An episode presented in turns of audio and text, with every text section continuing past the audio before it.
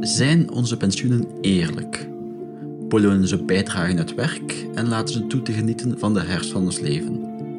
En zullen ze dat nog steeds doen over enkele decennia als de jongere generaties de arbeidsmarkt betreden? Dat zijn de vragen waar professor Marian Maas van de Katholieke Universiteit Leuven het vandaag over zal hebben. Welkom bij deze aflevering van Nitina Talks en veel luisterplezier.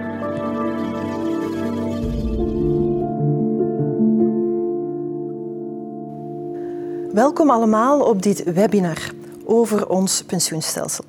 Ons pensioenstelsel is vandaag nog geen duurzaam pensioenstelsel. En we gaan vandaag kijken op basis van onderzoek dat gebeurd is over de impact van pensioenhervormingen in het buitenland, welke lessen wij daaruit kunnen trekken om voor België ook een duurzaam pensioenstelsel te creëren. Ik moet echter zeggen dat met de meest roze bril die ik kan vinden, dat het mij wel onwaarschijnlijk lijkt dat ons Belgisch pensioenstelsel nog echt wordt omgevormd tot een sociale verzekering. Er zijn verschillende redenen voor. Ten eerste, het huidige regeerakkoord is heel erg vaag. Er zijn ook een aantal beslissingen die blijkbaar al genomen zijn, onder andere het optrekken van een minimumpensioen tot 1500 euro met een bepaalde budgettaire impact, die de marge voor andere zaken beperkt.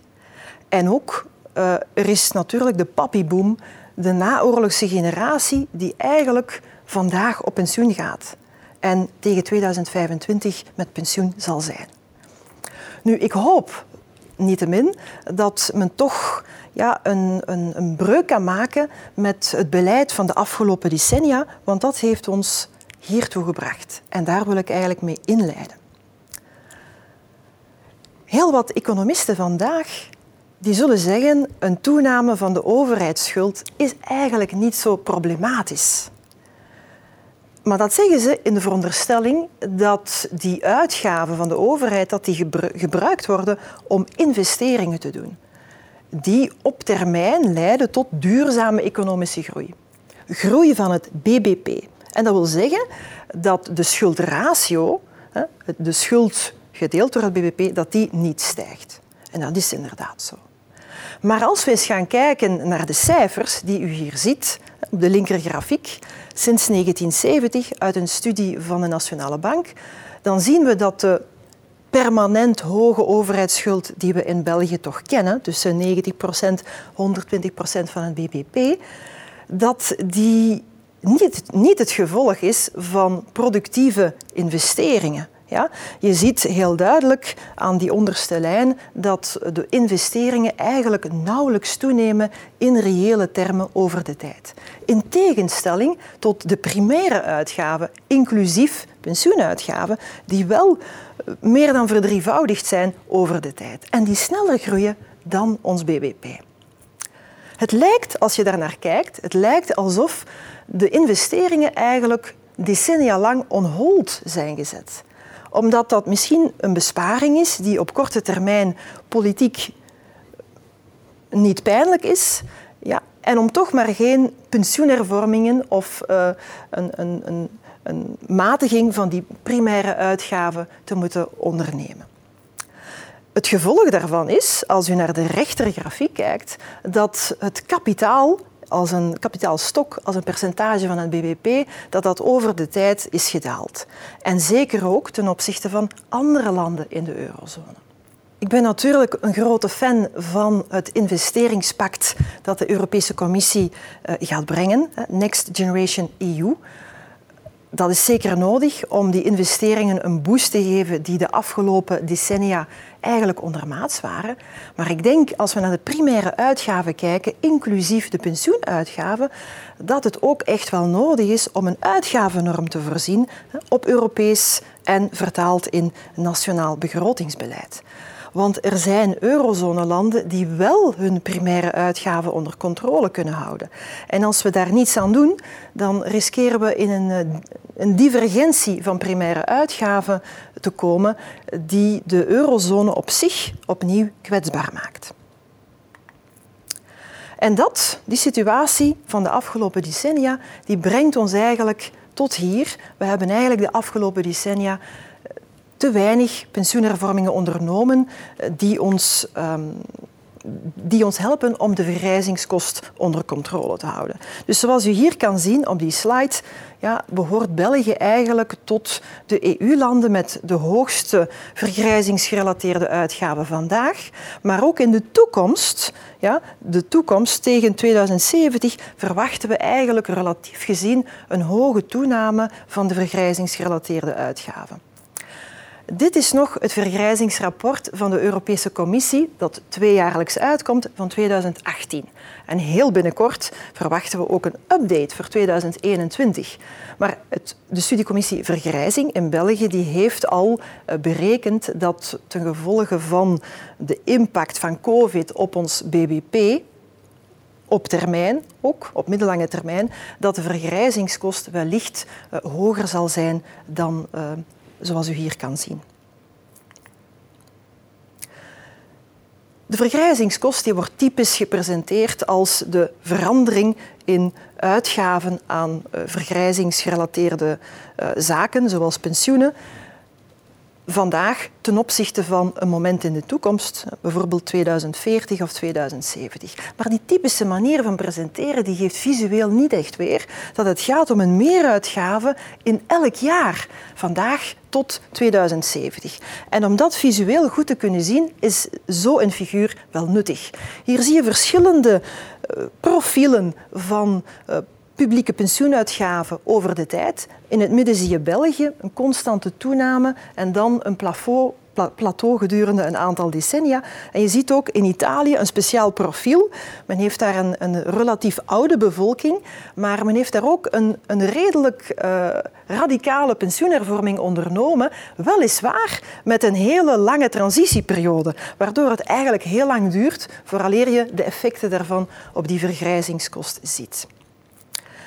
Nu, binnen die pensioenuitgaven zijn het vooral de uitgaven aan ambtenarenpensioenen die in België bijzonder hoog zijn. Dat kan je hier zien. We weten ook wel dat het gemiddeld pensioen van onze ambtenaren ongeveer 2800 bruto per maand hoger is dan dat van zelfstandigen en werknemers, ergens tussen 1000 1300 euro per maand bruto. En ook zelfs rekening houden met een aanvullend pensioen. Maar de ambtenaren die gaan ook vroeger op pensioen dan werknemers en zelfstandigen. En dat is iets waar we straks zeker op gaan terugkomen. Nu, in het algemeen in het algemeen, de redenen voor die financiële onhoudbaarheid van ons pensioenstelsel, die zijn wel bekend. Ik ga eraan ook heel snel door. Maar het helpt wel even, omdat dit, uh, dit helpt ons om de beleidsaanbevelingen die we later gaan doen, om die beter te plaatsen en te begrijpen. Dus ik maak een onderscheid, zoals men altijd doet, tussen twee factoren. De demografische vergrijzing enerzijds en de vervroegde uitreden uit de arbeidsmarkt anderzijds. De demografische vergrijzing enerzijds, dat is het gevolg van de combinatie van een daling van de fertiliteit en een stijgende levensverwachting. Wat betekent dat? Dat betekent wat wij noemen een toename van de afhankelijkheidsratio. Dat wil zeggen het aantal 65-plussers gedeeld door het aantal mensen tussen 20 en 65 jaar die afhankelijkheidsratio die stijgt. En wat wil dat eigenlijk zeggen? Dat wil zeggen, als u naar die grafiek kijkt, dat terwijl in 2000 de last van één pensioen eigenlijk gedragen werd door drie of meer actieven, dat tegen 2050 die last van dat ene pensioen wordt gedragen door minder dan twee actieven. En dat zet echt, dat zet echt druk op de financiële betaalbaarheid van ons pensioenstelsel, dat een repartitiestelsel is. Wat wil zeggen dat de pensioenen van de huidige gepensioneerden letterlijk onmiddellijk gefinancierd worden door de sociale bijdrageontvangsten van de actieven. En die 65 die u daar ziet staan, ja, die 20 tot 65 jaar, dat is wat we noemen de beroepsbekwame bevolking. En die 65 is ook lange tijd de wettelijke pensioenleeftijd geweest in heel wat landen. Ja? Nu gaan we eens naar deze grafiek kijken. Die 65 jaar die was ook in heel wat landen in de jaren 60 tot begin van de jaren 70 ook de effectieve uitredeleeftijd. Dat wil zeggen dat in die periode mensen ook effectief werkten tot die leeftijd. Maar dan, en dan kom ik bij de tweede reden van die financiële onhoudbaarheid van ons pensioenstelsel, zien we een daling van die effectieve uitredeleeftijd vanaf hè, het midden van de jaren 70. En dat kan gaan omdat mensen uittreden. Wat wil dat zeggen? Dat wil zeggen, het kan bijvoorbeeld gaan om de opname van rustpensioen, dat kan gaan om brugpensioen. Uh, in sommige landen gaat dat om een aanvullend pensioen, ziektepensioen, ouderenwerkloosheid. In heel wat landen worden uitredenstelsels ontwikkeld die eigenlijk maken dat die effectieve uitredeleeftijd daalt over de tijd. En je ziet daar in het rood als uitschieter België met ja, lange tijd een van de laagste effectieve uitredeleeftijden van de EU en de OESO. En dus eigenlijk op het moment dat die toename aan arbeidsparticipatie vereist is, op dat moment worden we dus nog eens geconfronteerd met een daling van die effectieve uitredeleeftijd die het probleem eigenlijk nog maar erger maakt. Ja? Want daardoor uh, komen er minder sociale bijdrageontvangsten binnen. En anderzijds moet de overheid gedurende een langere periode pensioenen uitbetalen aan meer en meer gepensioneerden. Nu, je ziet, wel, je ziet wel dat sinds 2000 er gedeeltelijke verhoging is van die effectieve uh, uitredeleeftijd. Weliswaar, als je vergelijkt met de jaren 70, staan we nog altijd uh, achter. Ja. Nu, die verhoging sinds 2000 eh, die is echt het gevolg van pensioenhervormingen die er ook echt op gericht waren. Ja. Hier zie je, uh, dat komt opnieuw uit het vergrijzingsrapport van de Europese Commissie, de geprojecteerde impact van pensioenhervormingen ondernomen tussen 2000 en 2015 op de gemiddelde uitredeleeftijd. En je ziet dat er wel degelijk een aanzienlijk effect is. Ja. Er is wel degelijk hervormd. Ja. Helaas ja, uh, niet voldoende. En hier wil ik het ook even um, beklemtonen. Dus in België bijvoorbeeld, hè, uh, dit gaat over België. In België hebben we een aantal hervormingen ondernomen in 2011, 2015, met als doel de vermindering van de vergrijzingskost, maar op een manier die tegelijkertijd onze effectieve uitredeleeftijd doet stijgen, maar tegelijkertijd het armoederisico doet dalen onder de ouderen en ook ervoor zorgt dat de benefit ratio, een indicator van, van levensstandaard van de ouderen, dat die behouden blijft naar de toekomst toe. Dus het kan. Ja? Het kan. Um, helaas, in, een in andere landen is dat niet altijd zo. Maar dat is eigenlijk um, een, een, interessante combinatie uh, van beleid, denk ik. Ja. Nu, het is niet voldoende. Waarom niet? Ja? Dat zie je hier eigenlijk heel mooi op deze op eerste zicht complexe grafiek. Ja, enerzijds uh, projecteren we dat er wel degelijk nog een serieuze toename gaat zijn van de werkgelegenheidsgraad uh, in de toekomst, vooral bij ouderen. En dat zie je op de rechteras van deze grafiek. Ja, die, gele, die gele lijn. Ja. Anderzijds, en dat zie je op de linkeras van die grafiek, doordat de vergrijzing van de populatie van de mensen tussen 20 en 65 jaar, aangezien die zo erg doorweegt, vanaf 2021 zal toch het aantal werkenden, het aantal werkenden, wat je op die onderste grijze lijn ziet, vanaf 2021 beginnen af te nemen. Ja. En dat heeft ook structureel zijn impact op uh, de projecties van lange termijn groei van het BBP, die eigenlijk ook vrij laag zijn. En dit is dus nog een scenario dat veronderstelt hè, dat de, de, de impact van COVID er nog niet uh, die is eigenlijk nog niet mee geïntegreerd. Tot zover de inleiding. Nu gaan we hier eens kijken in het algemeen, in essentie, welke opties er zijn om een pensioenstelsel te hervormen. Ik denk dat er, dat ik mag zeggen, dat er een zekere consensus bestaat onder pensioeneconomisten dat de meest wenselijke hervormingen dan gaan we kijken naar een hogere effectieve uitredeleeftijd en ook bijvoorbeeld een hogere werkgelegenheidsgraad bij vrouwen.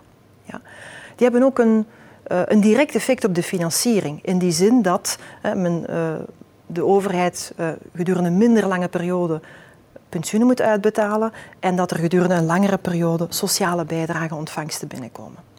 Nu, de EU-landen staan heel wat verder met die hervormingen dan België. En dat is het voordeel. In die zin dat wij heel wat kunnen leren van de impact van eh, een combinatie van die hervormingen ehm, op bijvoorbeeld de pensioenleeftijd, maar ook op de levensstandaard. En dat gaan we doen. We gaan een aantal beleidssuggesties samenbrengen, waar, heel, waar heel belangrijk is dat die eigenlijk in samenhang moeten worden gelezen. Ja? De bedoeling is om te streven naar een financieel gezond en een billig stelsel. Dus een stelsel dat solidair is tussen generaties, maar dat ook fair is binnen een generatie. Tussen lage en hoge inkomens, maar ook zelfstandige werknemers, ambtenaren. Ja, dus je kan er geen maatregel uitnemen. Je moet, moet echt een samenhangend pakket zijn. Ja? Ten eerste, de verhoging van de pensioenleeftijd die loopt als een rode draad door alle pensioenhervormingen in de EU-landen. Ja? We gaan eerst eens even stilstaan bij de verschillende pensioenleeftijden. Ten eerste de wettelijke pensioenleeftijd. Wat is dat eigenlijk? Dat gaat om het recht om uh, een pensioen te ontvangen zonder dat men moet voldoen aan loopbaanvoorwaarden of zonder dat uw pensioen aangepast wordt in functie van de opnameleeftijd. Vroeger was die wettelijke pensioenleeftijd in heel wat landen 65, maar vandaag is die in heel wat landen al opgetrokken naar 66, 67, 68 en aangepast aan de levensverwachting. Dat betekent helemaal niet dat je tot 67 moet werken. Dat is nog iets anders. De vroegst mogelijke opnameleeftijd, dat is de leeftijd vanaf wanneer men zijn rustpensioen kan opnemen. En dan moet men wel voldoen aan loopbaanvoorwaarden en of hè, uw pensioen wordt gecorrigeerd, wordt verminderd per jaar dat u dat opneemt voor de wettelijke pensioenleeftijd. Bijvoorbeeld, in Duitsland uh, hanteert men zo een vermindering van 3,6 procent per jaar dat u uw pensioen opneemt voor de wettelijke leeftijd. Dus stel dat uw pensioen um, dat je dat opneemt op 60 jaar en de wettelijke leeftijd is 65, dat wil zeggen dat uw pensioen 18% lager zou zijn. Ja? In heel wat landen is die wettelijke leeftijd reeds verhoogd. Ja? In België niet. Hè. België staat hier in het rood. Ja. Maar je ziet het bijvoorbeeld in Italië, in Spanje, uh, ook in Noorwegen, Zweden, Finland, die pensioenleeftijd al 67, 68 jaar is zelfs. Ja. En dat zijn toch niet bepaald welvaartsstaten die we associëren met uh, sociale afbraak. Hm. Hoe komt het eigenlijk?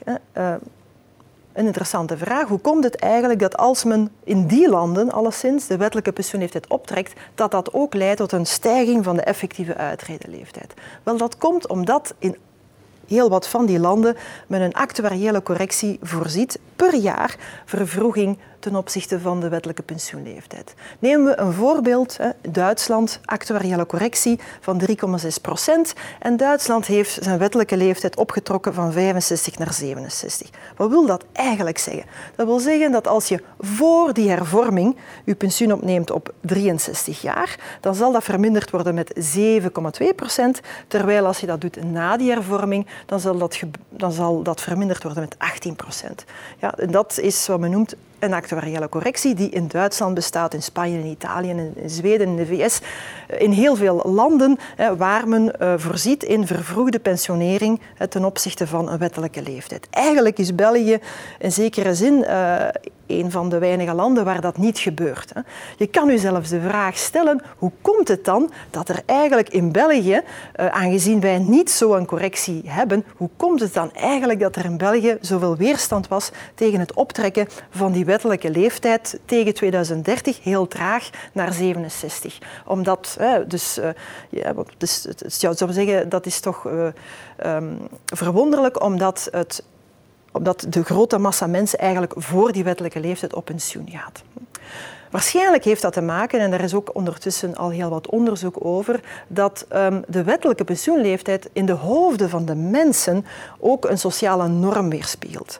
Dat wil zeggen dat blijkbaar mensen dit beschouwen als een impliciet advies om op een bepaalde leeftijd op pensioen te gaan. Ja? Een psychologisch effect. Ja? Um, en in die optiek kan men ook um, stellen, of als dat zo zou zijn, dan zou dat ook betekenen dat het optrekken van die 65 naar 67, ook al betekent dat helemaal niet dat mensen langer moeten werken, dat het wel degelijk effectief een effect heeft op de leeftijd waarop mensen stoppen met werken. We gaan eens kijken in België ehm, waar we nu staan bij de ambtenaren, zelfstandige werknemers in zaken die opnameleeftijd van ons wettelijk pensioen. En hier zie je de cijfers vanaf 2015 helemaal onderaan zie je de zelfstandigen. En wat je daar ziet is, dat is al lang zo en dat is nog steeds zo, dat 80% van de zelfstandigen zijn rustpensioen opneemt op 65 jaar of later. Ja? Bij de werknemers, helemaal in het midden, daar zie je ook een heel groot aandeel dat zijn rustpensioen opneemt op 65 jaar. Maar daar betekent dat niet dat men tot 65 eh, werkt. Daar is dat eerder eh, de reflectie van het feit dat mensen op brugpensioen gaan en dan gedurende een, eh, een periode gelijkgestelde pensioenrechten opbouwen tot 65 en dan pas gaan ze van brugpensioen over naar rustpensioen. Aan de linkerkant zie je de ambtenarenpensioenen. En daar zie je dat in 2015 ongeveer 70% van de ambtenaren op pensioen ging op 60 jaar of daarvoor. Ja. En in 2019 is dat nog maar 40 procent. Dus die hervorming die er de afgelopen jaren is geweest en die eigenlijk vooral op die ambtenarenpensioenen ehm, effect heeft gehad, ehm, die was wel degelijk, heeft wel degelijk effect, maar uh, vandaag de dag is het nog altijd zo dat de verschillen tussen opnameleeftijd bij zelfstandige werknemers en ambtenaren nog altijd heel erg groot zijn. En dat heeft te maken met het uh, feit dat uh, bij de ambtenaren nog heel wat preferentiële stelsels zijn die maken dat men nog vroeger op pensioen kan gaan dan bijvoorbeeld werknemers of zelfstandigen. Deze tweede beleidssuggestie die is eigenlijk heel erg gelinkt aan de eerste. Wat je hier ziet staan, dit komt eigenlijk uit een artikel van 1999, Gruber-Weiss, over de ongebruikte productiecapaciteit bij 55-plussers. Ja. En eigenlijk, je, je ziet België daar staan, helemaal aan de zijkant. Eigenlijk is dit gewoon de reflectie van de lage werkgelegenheidsgraad bij 55-plussers, die op dat moment ongeveer iets van een 20% was in België. Nu, ondertussen is aangetoond in de onderzoeksliteratuur dat de vroege uitreden die we daar straks besproken hebben, dat die eigenlijk gedreven werd of gedreven wordt door wat we noemen de impliciete belasting op verder werken. Er is een echte correlatie tussen het moment waarop mensen stoppen met werken en het feit dat ze helemaal geen incentive hebben om verder te werken. En daar is ontzettend veel onderzoek naar gebeurd. Dat heeft ook geleid tot beleidsaanbevelingen om die financiële incentives te veranderen. En in heel wat landen heeft dat ook geleid tot eh, hervormingen die voor de leeftijdscategorie tussen 55 en 59 vooral neerkomen op een een hervorming van de brugpensioenstelsels. En die voor de leeftijdscategorie tussen 60 en 64 vooral neerkomen op het meer laten spelen van die actuariële correcties in het rustpensioen. En op dat laatste gaan we verder. Want die actuariële aanpassingen die zie je in heel wat landen. En wat betekent dat eigenlijk? Dat betekent eigenlijk gewoon dat um, als je vroeg op pensioen gaat, dan zal je pensioen beduidend lager zijn dan als je dat had opgenomen op je wettelijke leeftijd. Als je na je wettelijke leeftijd je pensioen opneemt, dan zal je pensioen beduidend hoger zijn dan als je dat opneemt op je wettelijke leeftijd. En die correctie eh, is uh, in, bijvoorbeeld in Frankrijk 5% voor de wettelijke leeftijd per jaar vervroeging, 5% eh, bonus na de wettelijke leeftijd per jaar uitstel. In Duitsland is dat bijvoorbeeld 3,6% vermindering per jaar vervroeging, 6% vermeerdering per jaar En in België, en dat is bijzonder spijtig, ik denk dat dat een hele grote misstap was, eh, hadden we zo'n actuariële correctie, maar die is helaas in 1991 eh, afgeschaft. Dat was eigenlijk een hele uh, goede incentive hè, om mensen uh, ertoe aan te zetten om hun pensioen later op te nemen. Of om mensen geen incentive te geven om hun pensioen te vroeg op te nemen. Hoe ziet dat er typisch uit, zo'n actuariële correctie? Dus dat speelt tussen die vroegst mogelijke pensioenleeftijd en die wettelijke pensioenleeftijd. Ja? Dan ga je het pensioenbedrag aanpassen. Gaan we eens kijken naar de landen waar, dat, um, waar men dat heeft gedaan. Wat zijn de effecten daarvan? Ja? Een, mooi, heel mooie recente studie over de impact van die actuariële correcties in Duitsland, waar men die heeft ingevoerd, ja, zie je hier. Ja, dus wat zie je hier eigenlijk als gevolg van die hervorming? Iedereen werkt langer. Ja. Maar vooral diegenen die langer kunnen werken. Vooral de hogeschoolden, die werken dubbel, meer dan dubbel zo lang. Ja? Dus die worden echt aangezet om langer te werken. Terwijl de arbeiders, de laaggeschoolden, minder lang werken. Ja? Het pensioen van de arbeiders daalt niet. Daar kom ik zo dadelijk nog op terug. Nu, wat hier heel belangrijk is, dat we moeten begrijpen, is dat als we de minder arbeidsbekwame niet echt kunnen onderscheiden van de arbeidsbekwame, dan moeten we echt een systeem creëren zodanig dat de mensen die langer kunnen werken, de arbeidsbekwame, zodanig dat je ook een incentive hebben om langer door te werken. Het moet incentive compatible zijn, zoals we zeggen. En dat is exact wat zo'n systeem doet. Ja. Zo'n correcties zijn eigenlijk echt ook financiële incentives goed zetten. Dat is echt noodzakelijk als men die werkgelegenheidsgraad tussen 60 en 64 wil, wil verhogen. En daar is nog heel wat ruimte voor in België. Want in België heeft men, zoals in heel veel landen, heeft men in eerste instantie gefocust op de brugpensioenleeftijd tussen 55 en 60. Maar de volgende stap is echt die categorie tussen 60 en 64 jaar. En op die categorie, ja, ehm, als men daar uh, iets wil veranderen aan de financiële incentives, dan spreken we echt over die actuariële correcties. Die bovendien als voordeel hebben dat het mogelijk wordt eindelijk om een deeltijdspensioen in te voeren. Een deeltijdspensioen dat ertoe leidt dat het mogelijk maakt om ook onbeperkt bij te verdienen, ja, zonder dat dit de overheidsbegroting bezwaart. Want of je het nu vroeg of laat opneemt, uh, dat maakt eigenlijk niet uit voor de overheidsbegroting. Terwijl het voor de mensen wel uitmaakt of ze um, vroeger of later uh, stoppen en of ze, dat, en of ze gradueel kunnen uitreden. Heel belangrijk, die beleidssuggesties moeten we samen lezen. Je kunt er niet zomaar eentje uitpikken. We moeten bij een goede pensioenhervorming altijd rekening houden met het feit dat sommigen zijn begonnen werken op 18 jaar en sommigen hebben gestudeerd tot hun 23ste. En dat doet men ook. Als je kijkt naar bijvoorbeeld Duitsland, Frankrijk, daar heeft men die actuariële correcties waarvan je initieel zou denken, ze pakken de mensen hun pensioen af. Maar nee, wat je hier ziet in die landen, is dat men bijvoorbeeld perfect heel mild kan zijn voor mensen met een lange loopbaan die vroeg zijn beginnen werken. En daar spelen die correcties totaal niet. Die lange loopbanen, dat zijn juist laaggeschoolde arbeiders die begonnen zijn op 18 jaar. En wat we zien is dat de introductie van die actuariële correcties waarvan je misschien initieel denkt uh, ze pakken de mensen hun pensioen af, dat die eigenlijk uh, dat, ja, het pensioen uh, dat heeft niet geleid tot een lager pensioen van de arbeiders volgens die studie. Ja. In dezelfde lijn, um, de diplomabonificatie voor de ambtenaren, die is onlangs afgeschaft. Die bestond ook niet bij de werknemers en de zelfstandigen. En wat betekent dat?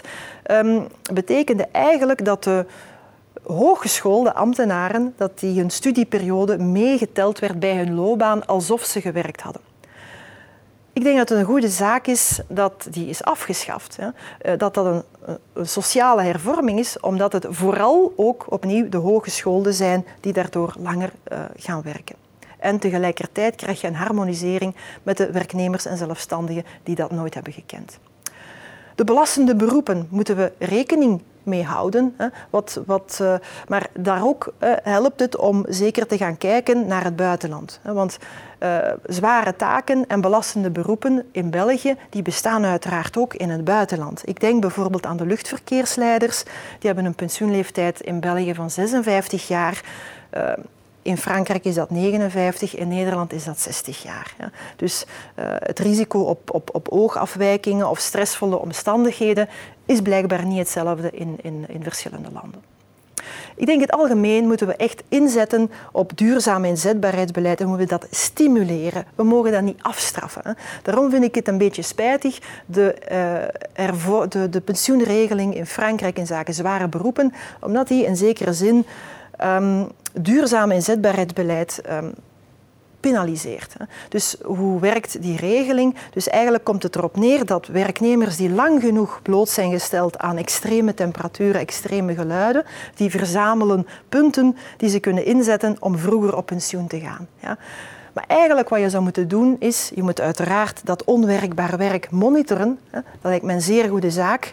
Maar je moet dat doen met als bedoeling om van dat zwaar werk een werkbaar werk te maken. Het kan niet zijn dat, uh, dat, dat, die zware taken, dat die belastende beroepen, dat, die, dat, er, dat er niets aan verandert. Ja. Dus duurzaam inzetbaarheidsbeleid is denk ik belangrijk.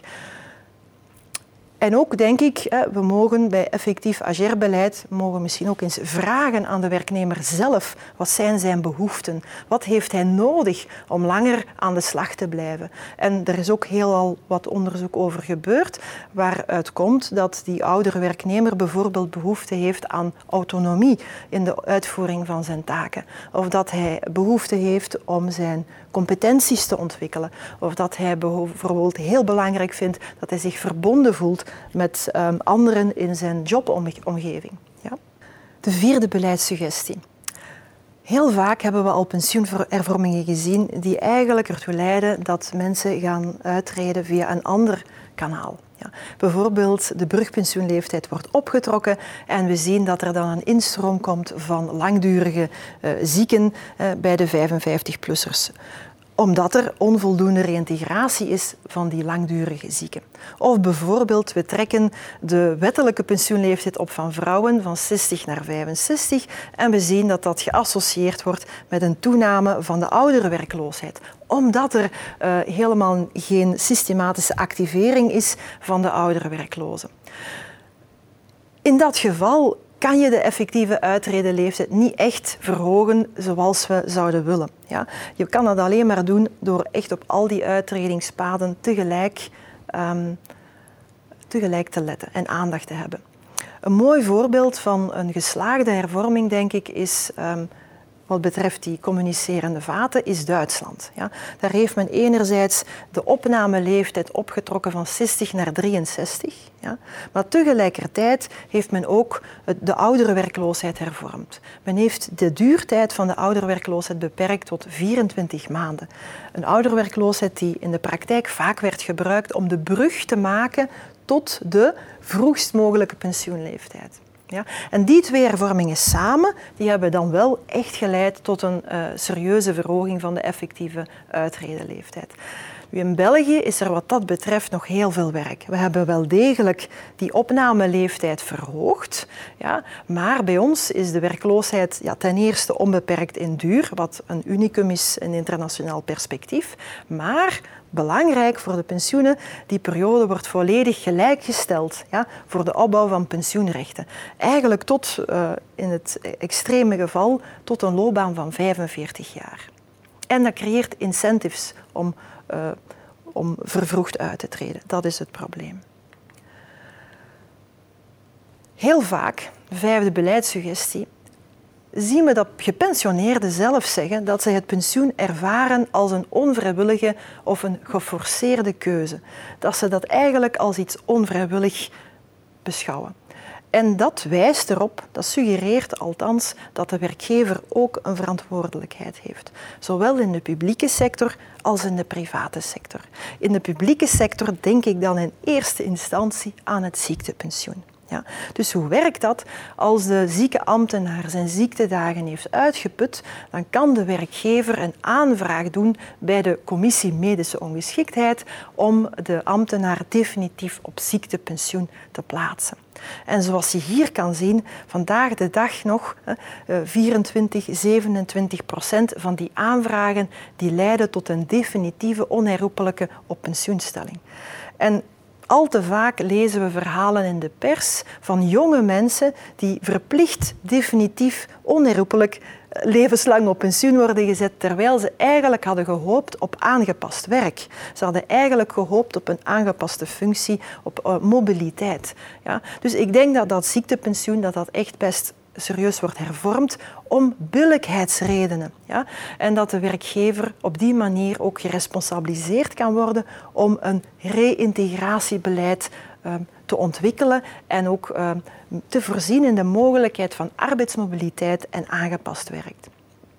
Dat was één voorbeeld, maar er zijn eigenlijk heel veel voorbeelden in de publieke sector ja, van einde loopbaanregelingen eh, DPPR, verloven voor pensionering, die zijn ingesteld door de publieke werkgever op bijvoorbeeld een federaal of een deelstaatniveau, maar die wel een federale pensioenfactuur genereren.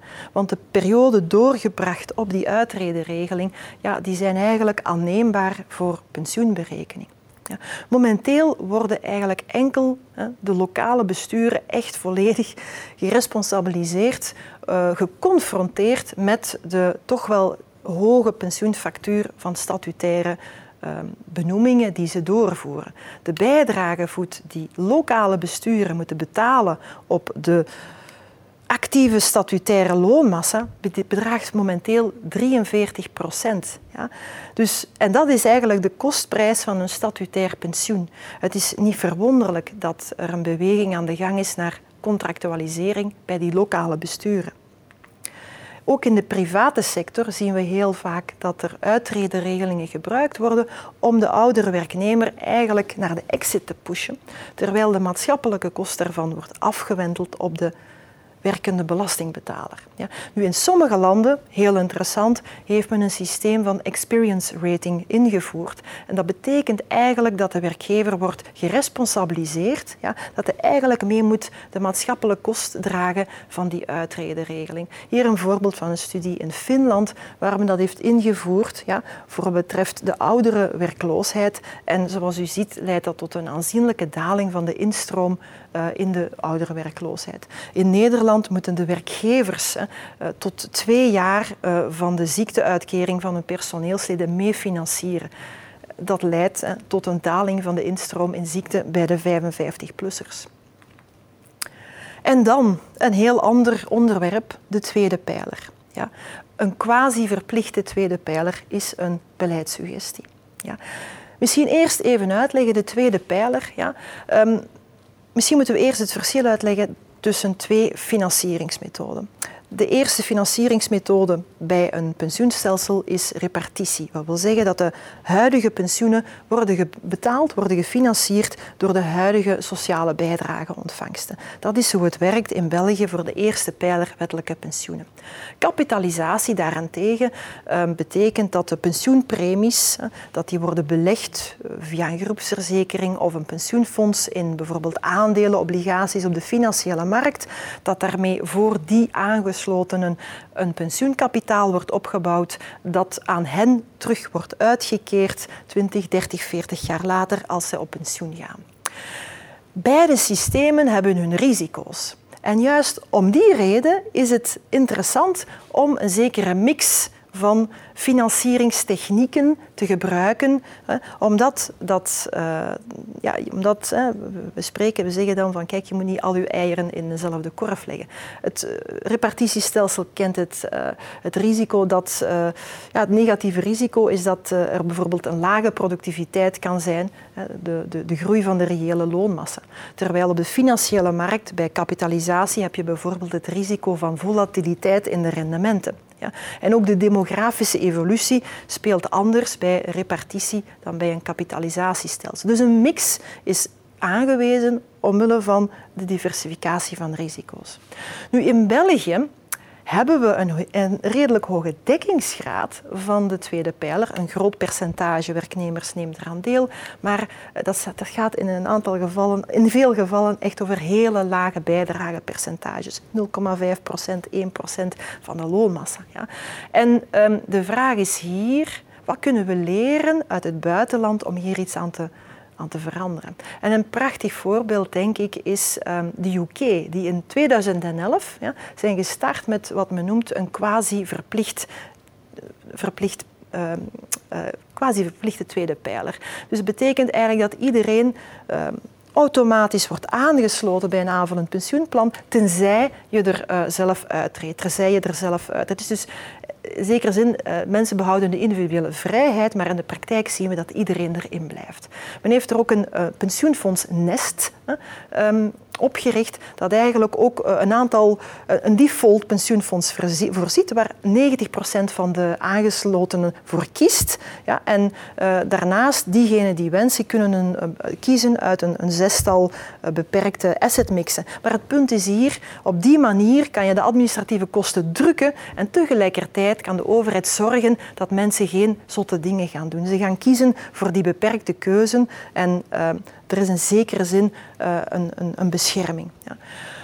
De uitkering van de pensioenen gebeurt in België nog heel vaak in kapitaal, 95 procent, ondanks de intentie van de overheid om daar iets aan te veranderen. Hier kunnen we bijvoorbeeld eens kijken naar wat er gebeurt in Zweden. Daar is het, de opname van aanvullend pensioen in kapitaal eh, niet mogelijk, ja, maar het is ook niet verplicht om een lijfrente te nemen. En men heeft daar een systeem van tijdelijke rente, dus rente met een beperkte looptijd. Vijf jaar, tien jaar, vijftien jaar. En zoals je ziet wordt dat vaak gebruikt. Ja. Het voordeel daarvan is dat je de, eigenlijk de gepensioneerde ertoe brengt om het pensioen in zekere zin te beschouwen als een inkomen zoals het moet zijn. Ja helaas, het beschermt niet tegen het risico lang leven. Er, zijn ook nog, geen markt voor lijfrentes, nog niet in België. Maar het heeft ook het voordeel dat het uh, politiek eindelijk misschien eens een opstap is naar een uitkering in rente, want dat moet eigenlijk wel de bedoeling zijn. Wat de fiscaliteit betreft, denk ik dat we ook nog heel wat uh, werk hebben. Uh, publieke economisten zeggen je moet het belasten als een inkomen, ja, het aanvullend pensioen. Nu, ik denk dat we daar misschien eens kunnen gaan kijken naar een fiscaliteit in functie van opnameleeftijd. We hebben in België nog altijd sportbeoefenaars die op de leeftijd van 35 jaar een aanvullend pensioen kunnen opnemen en die er eigenlijk eh, worden belast aan, een, een, aan 20 procent, wat niet bepaald een inkomen is. Dus ik ben blij als men daar iets aan gaat veranderen. Wat billijkheid betreft trouwens, de behoefte aan een aanvullend pensioen wordt helaas, of ja, wordt, wordt gewoon over de tijd groter en groter, omdat het wettelijk pensioen eigenlijk een lage vervangingsratio heeft voor heel wat werkenden. Ja. Dat hangt samen met beleid dat in de afgelopen jaren is gevoerd. Hè. Men heeft de herwaardering van het wettelijk pensioen uh, een aantal jaren geleden afgeschaft, waardoor ons wettelijk pensioen eigenlijk in zekere zin afgeleid naar voor heel wat mensen een, een laag pensioen, waardoor de behoefte aan een aanvullend pensioen alleen maar groter wordt. Ik had het zo net over een sociale verzekeringsfunctie die eigenlijk in de loop van de jaren een beetje is uitgehold omdat een aantal herwaarderingsmechanismen uh, de afgelopen jaren zijn afgeschaft, spijtig genoeg. Ja. Dat wat betreft het pensioen als sociale verzekering. Maar daarnaast is er ook de bestrijding van armoede bij ouderen, de solidariteit voor ouderen. En ook daar denk ik dat uh, we heel wat kunnen leren uit het buitenland. Ik zou bijvoorbeeld eens willen kijken naar wat men in Noorwegen doet. Daar stelt men echt solidariteit uit tot de wettelijke pensioenleeftijd, die 67 jaar is. En dat doet men echt, ja, enerzijds om vervroegde pensionering niet aan te moedigen, maar ook om die ouderen die ook 20, 25 jaar verder leven, om die een adequate levensstandaard te geven. Dus vanaf 67 jaar heb je daar een gegarandeerd minimumpensioen dat echt uh, voldoende is. Uh, en dat ook zodanig is ontworpen dat het nog altijd hoger is voor diegenen die gewerkt hebben dan diegenen die niet hebben gewerkt. Ja.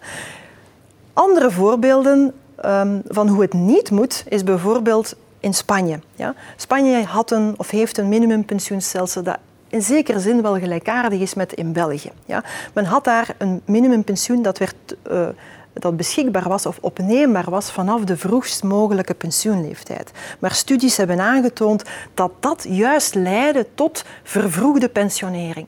Ja. En om die reden heeft men dat in Spanje hervormd en ook daar is het minimumpensioen nu pas beschikbaar vanaf 65 jaar. Dus men gaat die solidariteit echt uitstellen tot de wettelijke leeftijd, om dan ervoor te zorgen dat op de wettelijke pensioenleeftijd iedereen een deftig pensioen heeft.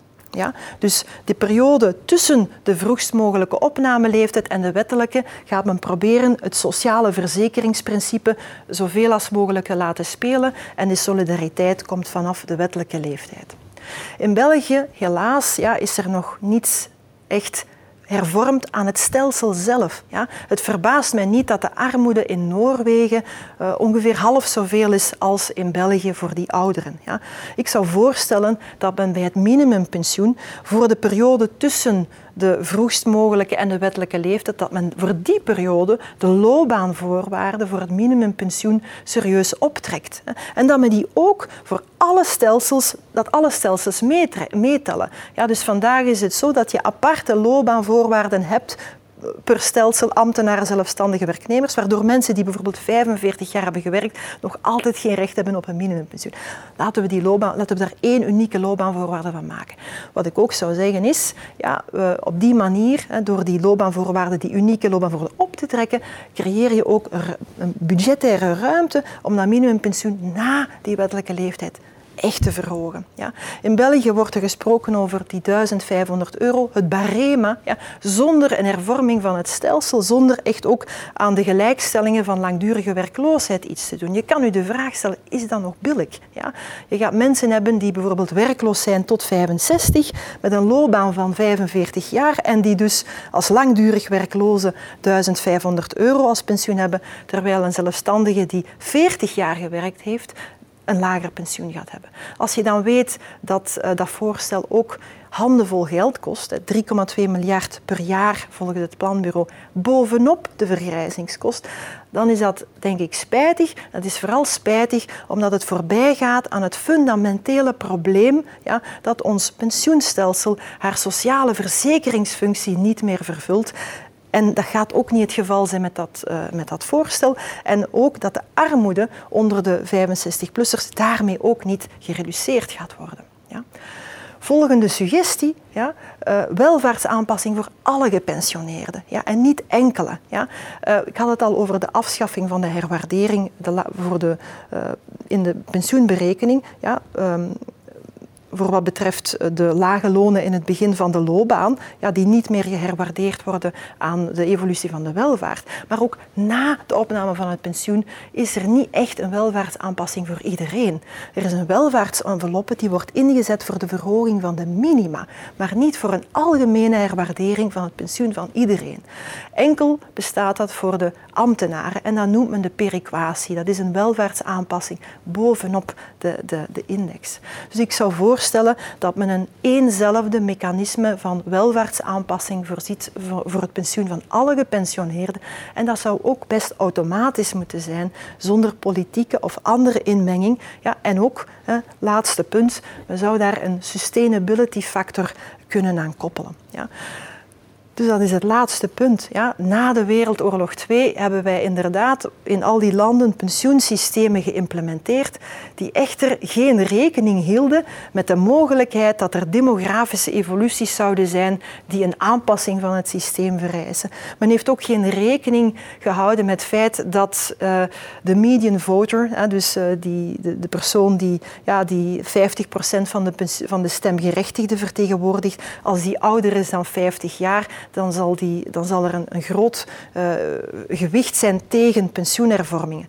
Ja? Dus het is uh, politiek moeilijker en moeilijker haalbaar om pensioenhervormingen uh, te ondernemen. Ja? Als je een pensioenstelsel hebt dat zichzelf aanpast bij demografische evoluties, dan is dat robuust en dan, dan, dan heb je dat probleem niet. Ja, dus een pensioenstelsel dat eigenlijk onafhankelijk is van, van politieke discussies. Ja.